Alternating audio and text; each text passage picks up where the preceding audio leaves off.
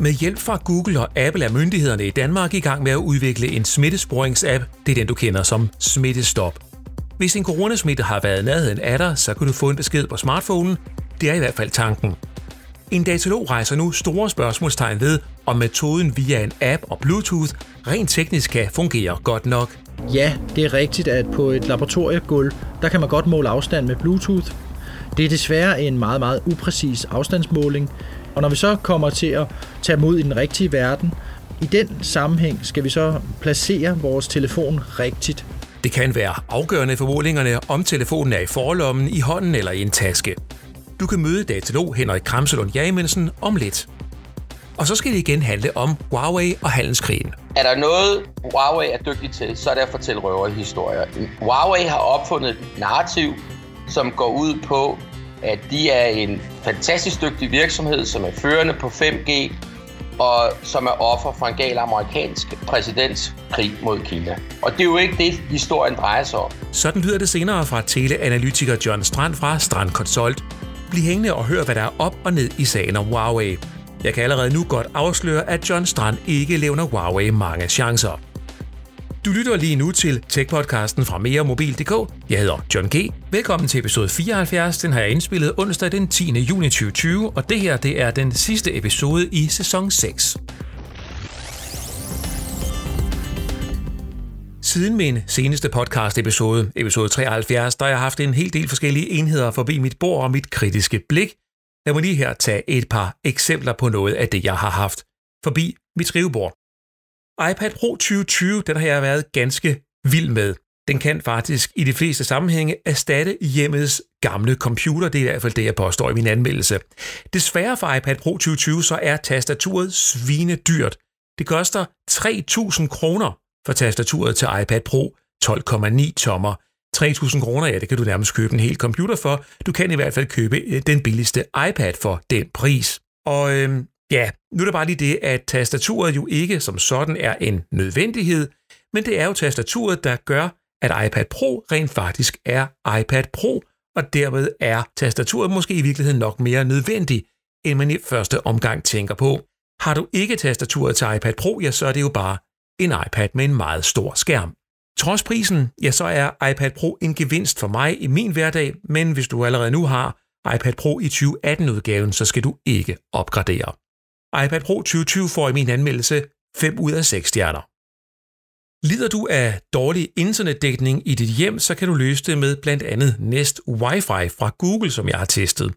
Det er små access points, og inde i dem, ja, der gemmer sig en Google-højtaler med Google Assistant, så du kan tale til den, og dermed ja, så får dit access point en lidt anden funktion end bare at være en dum antenne til Wi-Fi i hjemmet. Det gør faktisk, at den her Nest Wi-Fi er relevant at have stående fremme, og sidegevinsten ved det er så, at du samtidig får bedre wifi-dækning. Der findes rigtig mange alternativer til systemer, hvor du placerer de her små wifi-bokse forskellige steder i huset. Googles løsning den er god, og jeg vil kalde den for det sikre valg, hvis du er i tvivl om, hvilket system du skal vælge. En topak med to enheder af Google Nest Wi-Fi koster 2.090 kroner vejledende, men jeg synes, du skal købe en trepak for at få den bedste løsning, og så er vi oppe på 2.790 kroner. Google Nest Wi-Fi er ikke noget dårligt system, men der er nogle arbejder bias, du lige skal kende, og derfor får den kun 4 ud af 6 stjerner. Min favorit inden for såkaldt mesh-baserede Wi-Fi-systemer er fortsat TP-Link Deco M9 Det er desuden også blevet til en anmeldelse af både Motorola Edge Plus og Motorola Edge. Kort fortalt, Edge koster 4.699 kroner. Den er det bedste køb, og den ender på min topkarakter. Læs test og anmeldelser af alle de her produkter og mange andre på meremobil.dk-anmeldelser. Og nu skal det handle om Huawei. Bliv hængende her, hvis du vil forstå, hvad Huawei-konflikten i virkeligheden handler om.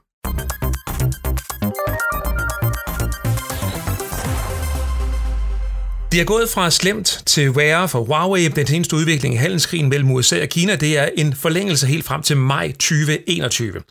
For dig som kunde, så betyder det kort fortalt, at Huawei de kan ikke benytte Google Play Store eller Google Services, og du kan således ikke hente eller bruge de apps, du er vant til, hvis du køber en Huawei-telefon. Huawei de arbejder på at opbygge en alternativ app-butik. Den hedder App Gallery. Men Huaweis internationale mobiltopchef, han regner ikke med, at den her App Gallery Store er på niveau med Google Play Store eller Apples Play Store før om op til to år. Og det seneste, der er sket, er, at producenten af chips og processorenheder til Huawei's telefoner, SMC, der er baseret i Taiwan, de kan ikke længere levere processorer til Huawei. Det er TSMC, der producerer Kirin-processorerne til Huawei. Og nu er det bare sådan, at øh, TSMC's største kunde er Apple, og et benspænd i handelskonflikten er, at udenlandske virksomheder, som ønsker at levere til Huawei, men samtidig gerne vil sælge til amerikanske virksomheder, de skal godkendes i Washington. John Strand, velkommen til. Jo, tak. Du er bosiddende i USA halvdelen af året, og dermed tæt på begivenhedernes gang i, hvad der foregår i, i Washington.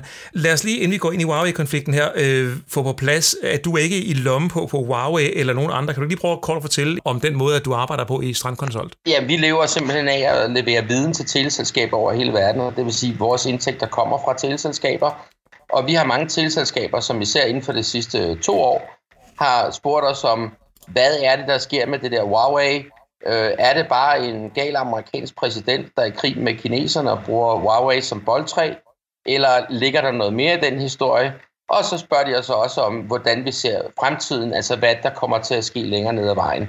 Og det er det, vi, den viden, vi leverer til tilselskaber på så godt som samtlige kontinenter, inklusiv nogle af dem, hvor der er sne. Der fortæller vi dem om, om, om den udvikling, vi ser, og, og hvordan det er. Og det indtil nu viser, at vi har haft rimelig ret i de forudsigelser, vi er kommet med. Og med den disclaimer på plads, så lad mig lige øh, dykke ned lidt i Huawei, fordi i april måned, der talte jeg og Peter Gottschalk fra Lyd og Billede sammen i episode 72 af min podcast, hvor vi talte rigtig meget om øh, fremtidsudsigterne for Huawei og deres ret fede øh, nye topmodel, som bestemt ikke fejler noget på te- teknikken, men som driller på, på softwaren. Og efter den episode, der sidder jeg tilbage med et spørgsmål, og det vil jeg starte med at stille dig, John Strand. Hvorfor rammer det her kun Huawei? Altså set med mine øjne, så er der jo også andre store virksomheder i Kina, som BBK Electronics, der jo står bag OnePlus og Oppo, eller øh, Lenovo, Motorola osv. Hvorfor er det hele tiden Huawei, at det her det går ud over? Altså, jeg tror, man skal sætte sig ned og kigge på det i et meget længere perspektiv. Det, der er vigtigt at forstå, det er, at den holdning til brugen af kinesisk infrastruktur, det er ikke en ny holdning. Den går tilbage til 2005, i USA. Og hvis man sætter sig ned og siger, hvad Trump har sagt om Huawei, så har Obama-administrationen sagt nøjagtigt det samme. Jeg plejer at sige til folk, hvis Trump har sagt noget om Huawei i konkret, øh, som Obama-administrationen ikke har sagt, så giver en flaske champagne for hver ting. Og, og der ligger faktisk blandt andet en rapport fra 2012, som Obama-administrationen øh, bestilte som en analyse af Huawei og ZTE, som er nået frem til nøjagtigt de samme konklusioner, som, som, som det vi hører USA kommunikere i dag. Man kan bare sige, at det er måske blevet lidt mere tydeligt på grund af den præsident, der nu engang er i USA. Øh, når det er sagt, så er det vigtigt også at kigge på, at øh, det er ikke kun Huawei, der bliver ramt. Faktisk har det været sådan i overvis i USA, der har det været sådan, at øh, en række myndigheder, blandt andet inden for forsvaret, State Department, det er det, der svarer til Udenrigsministeriet, de bruger ikke Lenovo PC'er og server. Der er jo ret mange virksomheder, der er også virksomheder i Danmark, som ikke bruger Lenovo PC og server, fordi de betragter Novo, øh, Lenovo som en, en, en sikkerhedsmæssig risiko. Og det er, det er et spørgsmål om, at teleinfrastruktur er gået fra at være noget, vi bruger til kommunikation, til at det er fundamentet for det moderne samfund. Og det gør, at vi bliver nødt til at kigge anderledes på teleinfrastruktur og de komponenter, der er til teleinfrastrukturen i fremtiden, end vi har gjort i fortiden. Så der er altså nogle andre, der, der bliver ramt. Men hvis man nu for eksempel øh, sidder med en OnePlus-telefon i hånden, øh, som jo også er et stort øh, kinesisk øh, brand øh, via det der BBK Electronics, skal man så være nervøs for, at man kan risikere at blive ramt af sådan en øh, amerikansk handelsfatwa? Nej, men jeg vil sige, det der er vigtigt her, det, det som amerikanerne har fokus på, det er jo ikke telefonerne på samme måde, som det, og det, de har fokus på, det er teleinfrastrukturen. Amerikanerne har den holdning, at på samme måde som NATO ikke køber kinesiske kampfly, så mener de, at, øh, at deres allierede øh, i den vestlige verden, at de ikke skal købe kinesisk teleinfrastruktur. Og det er ud fra en betragtning om, at teleinfrastrukturen er fundamentet for et moderne samfund. Det er der, vi kommunikerer igennem, og derfor er det vigtigt, vigtigt at se på de, alle de sikkerhedsmæssige aspekter i relation til teleinfrastrukturen. Telefonerne er jo bare sådan noget, der kommer med som en sideeffekt, hvis man kan sige det sådan nu sidder folk og mange medier fokuserer på brugen af amerikansk chipsteknologi i Huawei-telefoner, men faktum er jo, at mange af de chips, de bruger jo også brugt i teleinfrastrukturen, PC'er og alt muligt andet udstyr, som Huawei leverer. Så det er jo ikke kun Huawei's mobiltelefonforretning, der bliver ramt af det her. Deres teleinfrastruktursforretning bliver ramt ret hårdt. Og der sidder en masse teleoperatører lige nu med en, en, med en stort udfordring, fordi de kan se, at Huawei ikke bliver i stand til at levere det, de har lovet dem de kommende år. Men lige præcis omkring det med teleinfrastrukturen, John Strand, der er, øh, der er jo rigtig mange, der fortæller, at de er verdensførende, når det drejer sig om, øh, om infrastruktur. De er altså rigtig, rigtig gode til at lave mobilnetværk og udstyr, der skal drive øh, hele de her gigantiske netværk øh, rundt omkring i, i verden. Hvorfor er det, at vi, eller skal vi være så nervøse, som amerikanerne lægger op til for en kinesisk virksomhed som Huawei? Det, der er vigtigt at huske, det er jo, at er der noget, Huawei er dygtig til, så er det at fortælle røverhistorier. Huawei har opfundet et narrativ, som går ud på, at de er en fantastisk dygtig virksomhed, som er førende på 5G, og som er offer for en gal amerikansk præsidentskrig mod Kina. Og det er jo ikke det, historien drejer sig om. Historien er følgende. Faktum er, at de to lande, de lande, der er længst fremme, når det kommer til 5G i dag i verden, det er Korea og det er USA, og det er begge lande kommet uden brug af kinesisk udstyr. Og det er altså sjovt, at de lande, der er længst fremme på 5G, de bruger ikke kinesisk udstyr, men bruger vestligt udstyr. Det er den ene ting. Huawei har også en masse øh, tal omkring deres øh, patenter og alt muligt andet stads, og vi har lavet en, en rapport, så hvis man går på vores hjemmeside, så kan man, øh, kan man øh, få den rapport gratis. Vi har lavet en ret omfattende rapport, hvor vi tager alle de myter, som Huawei fodrer medierne med, og piller dem fuldstændig fra hinanden og henviser til et hav af forskellige kilder, hvor man kan tjekke op på tingene. Så den der med Huawei, at de førende, de laver noget fin teknologi, de er dygtige og alt muligt andet stads, men den der med, at verden bryder sammen, hvis man ikke kan købe Huawei-teknologi, det passer ikke. Det er en myte, som Huawei har sat i verden. Når vi sætter os ned og, og, og kigger på det her, hvorfor skal vi være bange for Huawei? Det er et, et spørgsmål, som jeg ofte bliver spurgt om af teleselskaber rundt omkring i verden, som beder os om at komme og lave en redegørelse om, hvordan vi ser de her ting. Det, som jeg plejer altid at svare, det er, at jeg kan ikke afgøre, om Huawei som virksomhed udgør en sikkerhedsmæssig trussel. Men det, jeg kan sige, jeg stiller, stiller spørgsmål til folk, det er at sige, jeg kan dokumentere, og det er der masser, der kan gøre, at Kina udgør en sikkerhedsmæssig trussel mod den vestlige verden. Hovedparten af de hackerangreb, der kommer mod danske virksomheder, offentlige institutioner i Danmark og lignende, mange af dem de kommer fra Kina.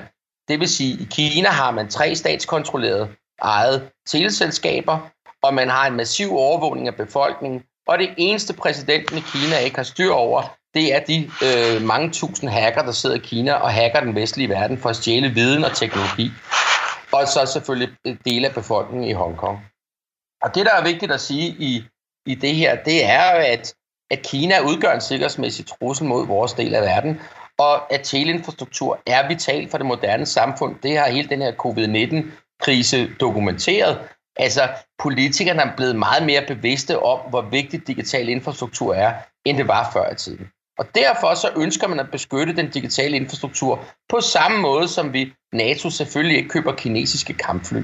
Øh, og man kan sige det sådan, hvad er mest vitalt for det moderne samfund?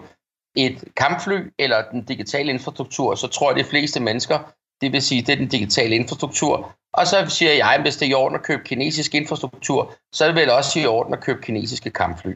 Og det er jo ligesom den erkendelse, vi ser i øjeblikket. Det er en tendens, vi har set igennem mange år, gået tilbage til 2005, især i perioden 2012 til 15, og så kan vi sige, så er den måske blevet lidt mere synlig for offentligheden, efter Trump er kommet til, og han kommunikerer på den måde, han nogle gange kommunikerer. Nu snakker du om, øh, om tele udstyret til, altså infrastrukturudstyret. Hvad sker der på det danske infrastrukturmarked, altså hos øh, TDC øh, netværk og hos øh, 3, Telenor, Telia osv.? Altså hvad, øh, hvad er, er status set fra dit skrivebord? Jamen, jeg kan jo se to ting.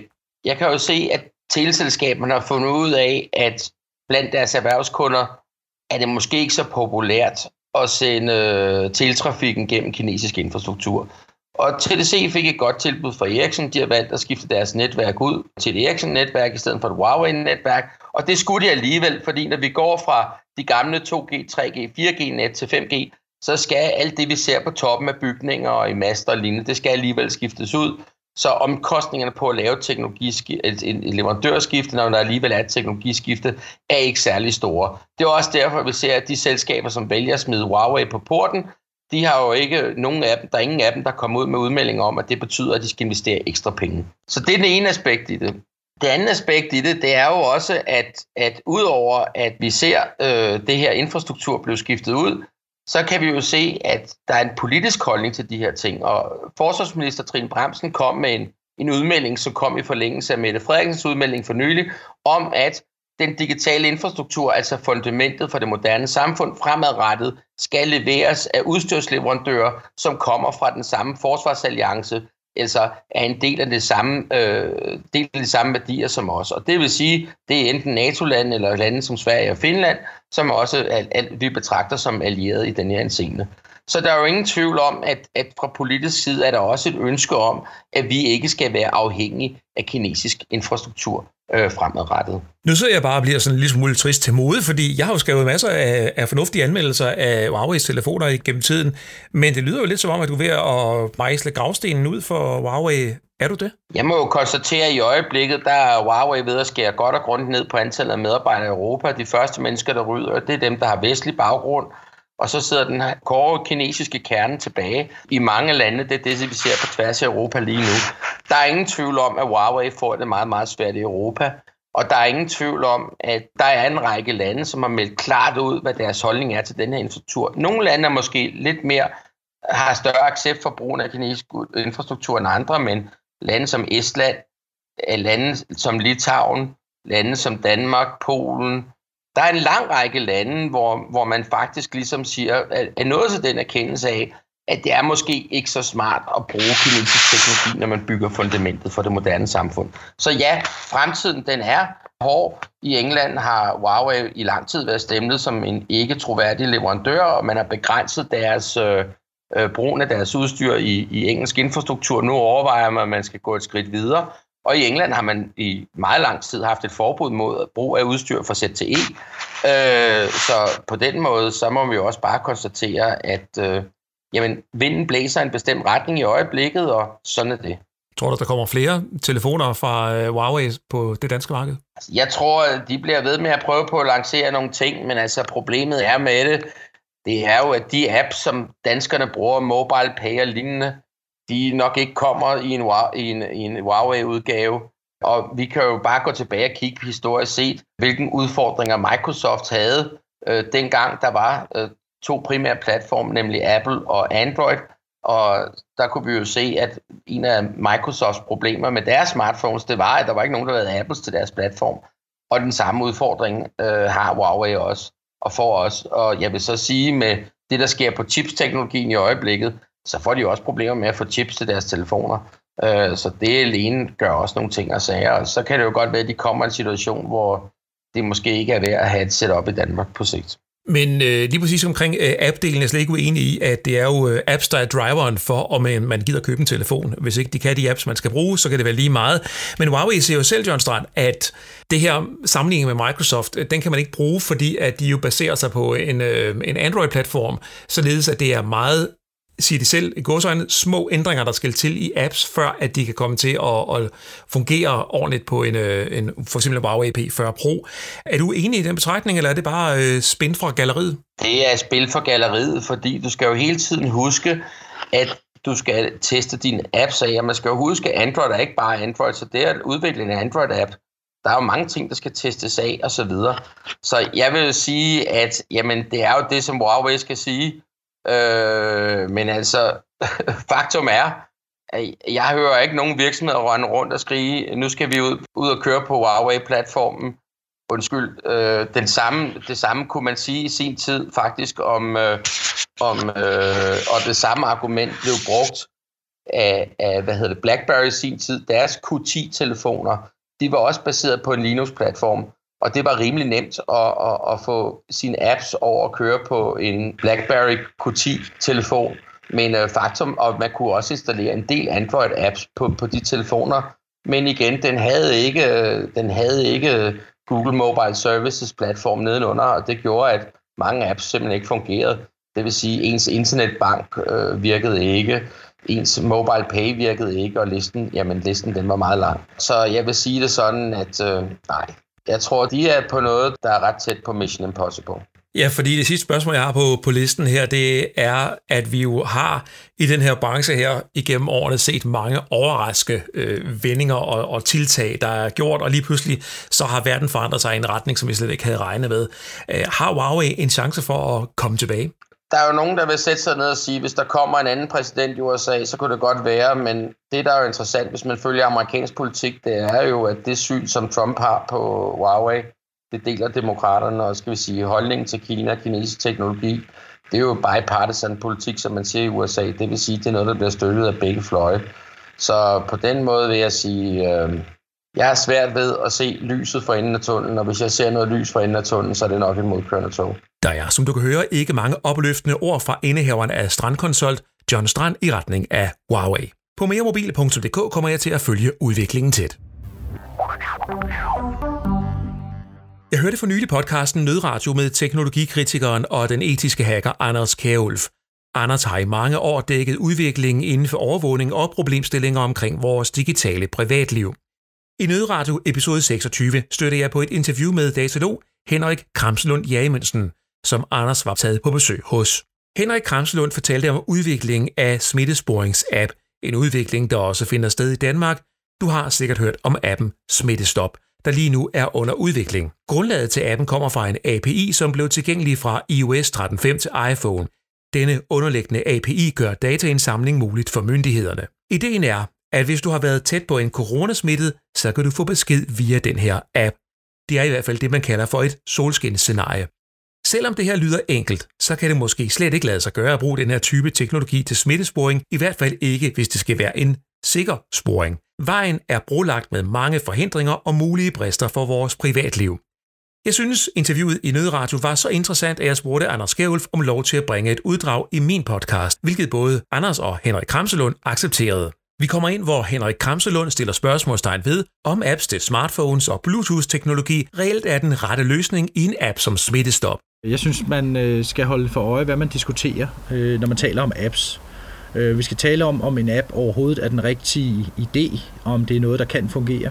Vi skal tale om, hvilken teknologi, der eventuelt skulle bruges til afstandsmåling, og hvad man ellers har brug for i den type funktion. Øh, og der er det slet ikke givet, at en telefon og en telefon-app er det rigtige middel. Hvis vi så snakker specifikt og ligesom springer hele den store, vigtige diskussion over og går til apps og Apple og Google, så skal vi også holde os for øje, at det er jo ikke nogen funktioner, som Apple og Google har forhindret os i at lave en app. Det har været noget funktion, som man ikke vidste, man skulle bruge. Det er først dukket op her med corona-apps, at man gerne vil have nogle funktioner, som ikke var tilgængelige. Og der har Apple og Google så på meget kort tid defineret noget, specificeret noget i nogle dokumenter, de har offentliggjort. Der er kommet små opdateringer til dem løbende. Og nu der har vi altså fået funktionaliteten bygget ind i vores almindelige operativsystemer. Det, der er blevet releaset hos Apple jeg tror, den hedder 3.5. Er det sådan der, eller 13.5? Ja. Noget i den stil. 13, ja, et eller andet. I hvert fald en, en ny version af iOS til iPhones, som gør, at man nu kan kalde nogle funktioner ned med et API. Et Application Programming Interface. Man kan altså bede telefonen om at lave noget. Og det er jo foregået på utrolig kort tid. Og derfor er det også noget, vi skal være lidt varsomme med. Øh, det er noget ny funktionalitet, som bliver bygget ind. Det er noget ny funktionalitet, som netop er specificeret. Det er kompleks software, der indeholder kryptografi, altså kunsten at holde ting hemmeligt øh, med algoritmer, hvor der ligger noget matematik bagved. Så det er altså en meget, meget lang kæde af yderst kritiske komponenter, som alle sammen skal fungere den her kæde af, af kritiske komponenter, der skal fungere, det, det der er ideen med den, det er, at man især bruger det, der hedder BLE, sådan noget Bluetooth Low Energy, øh, til at sende beskeder frem og tilbage mellem telefoner, der tilfældigt møder hinanden. Så skal det mening, at hvis du kommer ned af en anden telefon, så siger den blip, og så sender den en, sådan et kodet, en lille nøgle afsted, som, som skal være anonym, og, og, så sender, og så modtager du så en fra den anden også, så man så gemmer de her ting. Og så er der så et utroligt stort, meget kompliceret kryptologisk puslespil med at pakke dem ud igen, og hvem skal have lov at se, og hvor skal de ende hen, hvis man for eksempel bliver smittet og gerne vil give de telefoner besked om, at det er man så. Øh, det her, øh, der er en af de ting, jeg ved, du har påpeget blandt andet i version 2, det er, at problemet er jo altså også hardware i den her sammenhæng, altså selve den her dims telefoner til det her. Hvad er problemet i at bruge en telefon til sådan noget som smittesporing? Ja, her der bliver jeg nødt til at læne mig op af de Bluetooth-eksperter, som har udtalt sig både i Danmark og andre steder, som fortæller os, at ja, det er rigtigt, at på et laboratoriegulv, der kan man godt måle afstand med Bluetooth, fordi man kan se, at signalstyrken den bliver svagere, jo længere væk man kommer. Det er desværre en meget, meget upræcis afstandsmåling. Selv i laboratorier, der er det altså ikke en, der fungerer super godt til afstandsmåling. Der er utrolig mange faktorer, der spiller ind. Og når vi så kommer til at tage mod i den rigtige verden, hvor vi har forhindringer, det vil sige øh, miljøet, hvor man bruger Bluetooth, har en masse møbler, har en masse andre øh, ting, der indvirker. Vi har andre signaler fra Bluetooth, der kommer ind over. Øh, vi bruger Bluetooth både til vores hovedtelefoner, vi bruger det til en masse af vores andre enheder, dimser, til mus, øh, tastatur. Øh, så der kommer altså til at være ikke et rent laboratoriemiljø, men altså den rigtige verden, hvor vi har andre signaler og andre øh, forhindringer, både for signalerne, men også forstærker måske, og nogle af dem øh, øh, gør dem dårligere. I den sammenhæng skal vi så placere vores telefon rigtigt. Jeg har joket lidt med, at vi bliver alle sammen bliver tvunget til at have den på brystkassen, at vi simpelthen skal have en speciel holder til vores telefon, for at den kan måle med appen så præcist som muligt. Og man kan sige, når man så måler på den måde, lad os nu antage, at vi satte den på brystkassen, jamen så vil man også i den sammenhæng skulle måle, hvor god appen er. Og det er jo altså måske overvis af forskning, der skulle vise, om man i virkeligheden vil kunne måle præcist nok. Og i Danmark, der er vi jo så nu gået fra, kan man sige, 2 meter til 1 meter, og i andre lande, der er det halvanden meter, man skal måle. Og tro, man kan måle så præcist som en halv meter plus minus op og ned, jamen det er efter min mening utopi. Og det, der støtter jeg mig altså op af andre, der arbejder med Bluetooth til hverdag, som kender signaler, øh, radio og så videre. Og, og det ser altså næsten umuligt ud, at man kan gøre det så præcist, selv i et godt tilfælde, hvor den sidder på brystkassen. Når vi så dertil lægger, at jeg lægger min telefon i forlommen i venstre side, jeg kan også finde på at lægge den ned i min taske, fordi jeg har fået en lidt stor telefon, så ligger den i toppen af min taske, min rygsæk. Øh, der er andre, der lægger den i en skuldertaske på den ene eller den anden side. Der er nogen, der lægger den ned i en taske, en attaché-mappe, som måske har noget foring, som gør den er svært ved at kontakte ud i verden. Og det vi taler om her med appen, det er, at hver eneste telefon skal være et lille radiotårn. Det lille radiotårn skal så måske stå stille på et tidspunkt og måle, hvad for nogle andre radiotårne, der er i nærheden. Og den situation, i den sammenhæng, i den præcision, det er altså noget, som vi ikke ved eksisterer eller findes eller kan virke. Der synes jeg, der er et kæmpe problem teknisk med Bluetooth. Er måske ikke den rigtige teknologi til det her. Derudover så er der også øh, problemer i, kan man sige, at vi, det er vel stadigvæk relativt uklart, hvad man egentlig... Hvis man der så siger, at vi får fantastiske signaler ned, og at det hele kommer til at virke, og vi får alle de her connections, men det handler vel også om, hvad har man egentlig tænkt sig at bruge det her til? på, på længere sigt? Altså, hvad skal man så gøre, når man får besked om, at man har været i nærheden af en eller anden, der har været covid-19 ramt? Ja, man kan sige, at du springer, du springer et godt stykke hen i kæden, fordi at inden da, synes jeg måske nok, det er værd at bemærke, at det er nogle relativt nye specifikationer, som Apple har på de ID'er, der skal sendes ud i luften fra vores telefoner. Der har man altså specificeret med henvisning til nogle gode algoritmer, ganske rigtigt nogle gode algoritmer, men man har specificeret et helt nyt framework, der skal lave noget kryptografi. Og det er altså også lidt op i luften, synes jeg, om vi kan stole på den kryptografi. Kan vi stole på den implementation, som Apple har lavet? Alle vores store producenter, inklusiv Apple, har haft alvorlige sikkerhedsfejl i deres krypteringssoftware gennem årene. Så der er altså en stor sandsynlighed for, at der også er fejl i det framework, der nu er blevet releaset. Og det bliver spændende at se, øh, om der er nogen, der finder fejl i det, om der er nogen, der rapporterer fejl. Øh, det vil være interessant hen over de næste par måneder. Øh, så der har man altså grundlaget for, at tårnene kan virke, at de sender nogle ID-felter ud i verden, som andre kan opfange. Og så skal de opsamles, og så er det rigtigt, der skal kommunikeres på en eller anden måde. Og det vil foregå fra centralt hold, at man sender ID-felterne ud, under forudsætning af, at der er nogen, der er blevet testet. Og det er så det næste problem, at hvordan får vi egentlig fortalt den her API-implementation, at det er en rigtig valid test, der er blevet foretaget. Det er ikke bare en kriminel, der prøver at bruge det her API.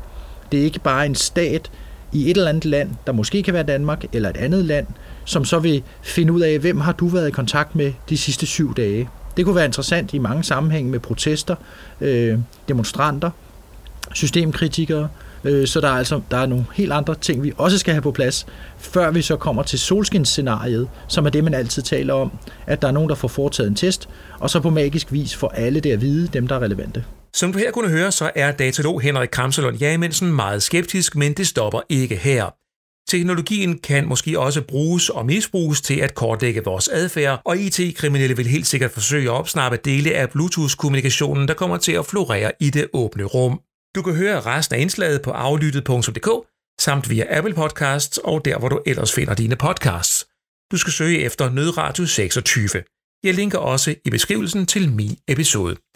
Og så vil jeg gerne sige tak til den etiske hacker og teknologikritiker Anders Kjærulf for lånet af indslaget, samt tak til datalog Henrik Kramselund. Du kan følge Henrik på Twitter via at Kramse og følge hans blogindlæg på version2.dk.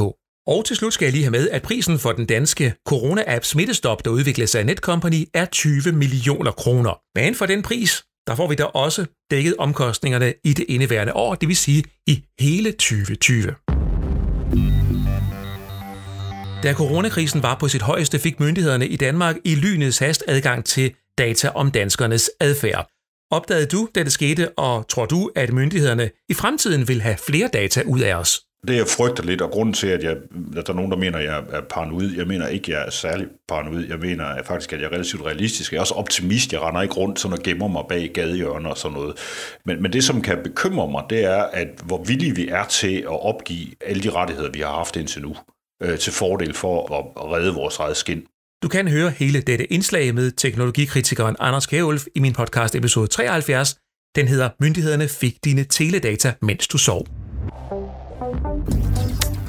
Selvom vi nu rammer sommeren, og min podcast holder en lille pause, så er der stadigvæk gang i nyhederne og guides og anmeldelser på meremobil.dk. Jeg ved ikke helt, hvordan sommerferien skal forløbe, men måske bliver der tid til at lave nogle opsamlingsepisoder med nogle af de mest spændende indslag fra den her sæson. Hvis du har forslag til efterårssæsonen, så er du meget velkommen til at sende mig en mail. Min adresse er johng Jeg hedder John G. Jeg ønsker dig en rigtig god sommer. Ha' det godt.